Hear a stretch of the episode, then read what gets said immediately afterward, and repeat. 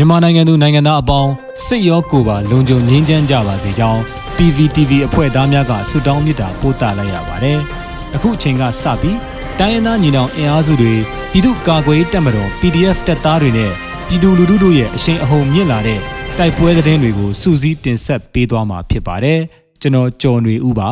။ပထမဦးစွာစစ်ကောင်စီရဲ့တေဘောဘိုးတပ်စခန်းကို KNL ပူးပေါင်းတပ်ဖွဲ့ကတင်ပိုက်ရရှိတဲ့သတင်းတင်ဆက်ပါမယ်။ ကရင်ပြည်နယ်မြောက်ရီမြို့နယ်တောင်ဘက်ထိုင်းမြန်မာနယ်စပ်အနီးရှိစစ်ကောင်စီတပ်ရဲ့တေဘောဘိုးတပ်စခန်းကိုယမနေ့မေလ18ရက်ညကစ၍ KNL ပူးပေါင်းတပ်များကတိုက်ခိုက်ခဲ့ရာယနေ့မွန်လွဲပိုင်းမှာတင်ပိုက်ရရှိပြီဖြစ်ကြောင်း KNL သတင်းရင်းမြစ်များကအတည်ပြုသတင်းထုတ်ပြန်ပါတယ်။နှစ်ဖက်အကြအဆုံးအခြေအနေကိုဆက်လက်မေးမြန်းနေဆဲဖြစ်ပြီး KNL ပူးပေါင်းတပ်ဖက်ကတရားဝင်သတင်းထုတ်ပြန်ပြီးဟုဆိုပါတယ်။ KNL နဲ့ပူးပေါင်းတပ်များကတင်ပိုက်ရရှိတဲ့စစ်ကောင်စီရဲ့တေဘောဘိုးစခန်းဟာ မြဝတီ၄ကီကောဖလူးတေဘောဘိုးဝေါ်လီမြိုင်ကားလမ်းပေါ်မှာတည်ရှိနေတဲ့စခန်းဖြစ်ပြီးဗျူဟာအရအရေးပါတဲ့စခန်းတစ်ခုလည်းဖြစ်တာပါ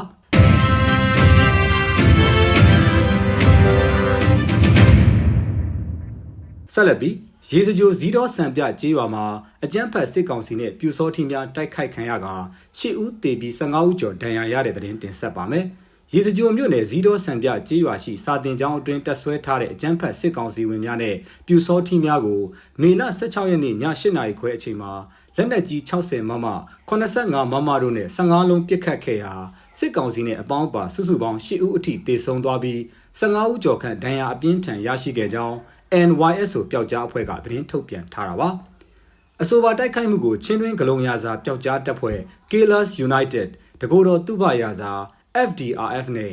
NYSO ပျောက်ကြားတပ်ဖွဲ့မဟာမိတ်ညီနောင်၅ဘွဲ့စုပေါင်းကပြုလုပ်ခဲ့ကြခြင်းဖြစ်ကြောင်းထုတ်ပြန်ချက်မှာပါရှိပါတယ်။ဒဏ်ရာရရှိတဲ့အကြမ်းဖက်စစ်ကောင်စီနဲ့ပြူစောထီများကိုအရေးပေါ်ကုသခဲ့ပြီးမေလ18ရက်နေ့နက်မှာအရေးပေါ်ကားများရောက်လာကြောင်းတေဆုံးသူများအတွက်အတုပချသွားပြီးမေလ18ရက်နေ့ညပိုင်းမှာအကြမ်းဖက်စစ်ကောင်စီဝင်များကလက်နက်ကြီးများဖြင့်ရန်တမ်းပစ်ခတ်နေကြောင်း NYSO ပျောက်ကြားအဖွဲ့ရဲ့ထုတ်ပြန်ချက်မှာဖော်ပြထားပါတယ်။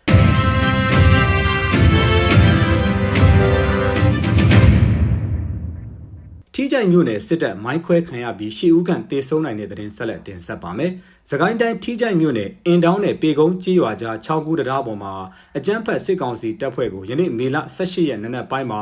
Special 9ထီးကြိုင် PDF နဲ့ထီးကြိုင်ပကဖားတို့ပူးပေါင်းမိုင်းခွဲတိုက်ခိုက်ရာစစ်သား10ဦးမှ10ဦးကြားတေဆုံးနိုင်ပြီးအများအပြားဒဏ်ရာရကြောင်း Special 9အဖွဲ့ထံမှသိရပါဗျ။အင်အားတရာခန့်ပါတဲ့အဆိုပါစစ်ကောင်စီတပ်ဖွဲ့ဟာ ဝဲကြီးဘက်မှအင်တောင်းကြက်တကောင်ဘက်သို့လာစဉ်ဒေတာကာကွယ်အဖွဲ့များကမိုင်းတုံးလုံးဖြင့်ဖောက်ခွဲတိုက်ခိုက်ခဲ့ခြင်းဖြစ်ကြောင်းသိရှိရပါတယ်။ဆက်လက်ပြီးတင်ဆက်မှာကတော့ဖရူဆိုခမရ931တန်ရင်ပြစ်ခတ်ခံရပြီးစစ်သား2ဦးသေဆုံးတဲ့တဲ့တင်မှာမေလ18ရက်နေ့နက်9နာရီခွဲခန့်မှာ ကရင်ပြည်နယ်ဖရူဆိုအခြေဆိုင်စစ်ကောင်စီရဲ့ခမာယ931တပ်ရင်းကိုကရင်အမျိုးသားများကာကွယ်ရေးတပ် KNDF တပ်ရင်း၄နဲ့ KA ပူးပေါင်းအဖွဲ့ကပစ်ခတ်တိုက်ခိုက်ရာစစ်သား2ဦးသေဆုံးပြီး9ဦးထပ်မံဒဏ်ရာရကြောင်း KNDF တပ်ရင်း၄ကသတင်းထုတ်ပြန်ပါတယ်။အဆိုပါစစ်ကောင်စီတပ်ရင်းကလက်နက်ကြီးလက်နက်ငယ်များဖြင့်ပြန်လည်ပစ်ခတ်ခဲ့ကြောင်းကရင်ပူးပေါင်းတပ်ဖွဲ့များအထိကိမရှိစုခွာနိုင်ခဲ့ကြောင်းသိရှိရတာပါ။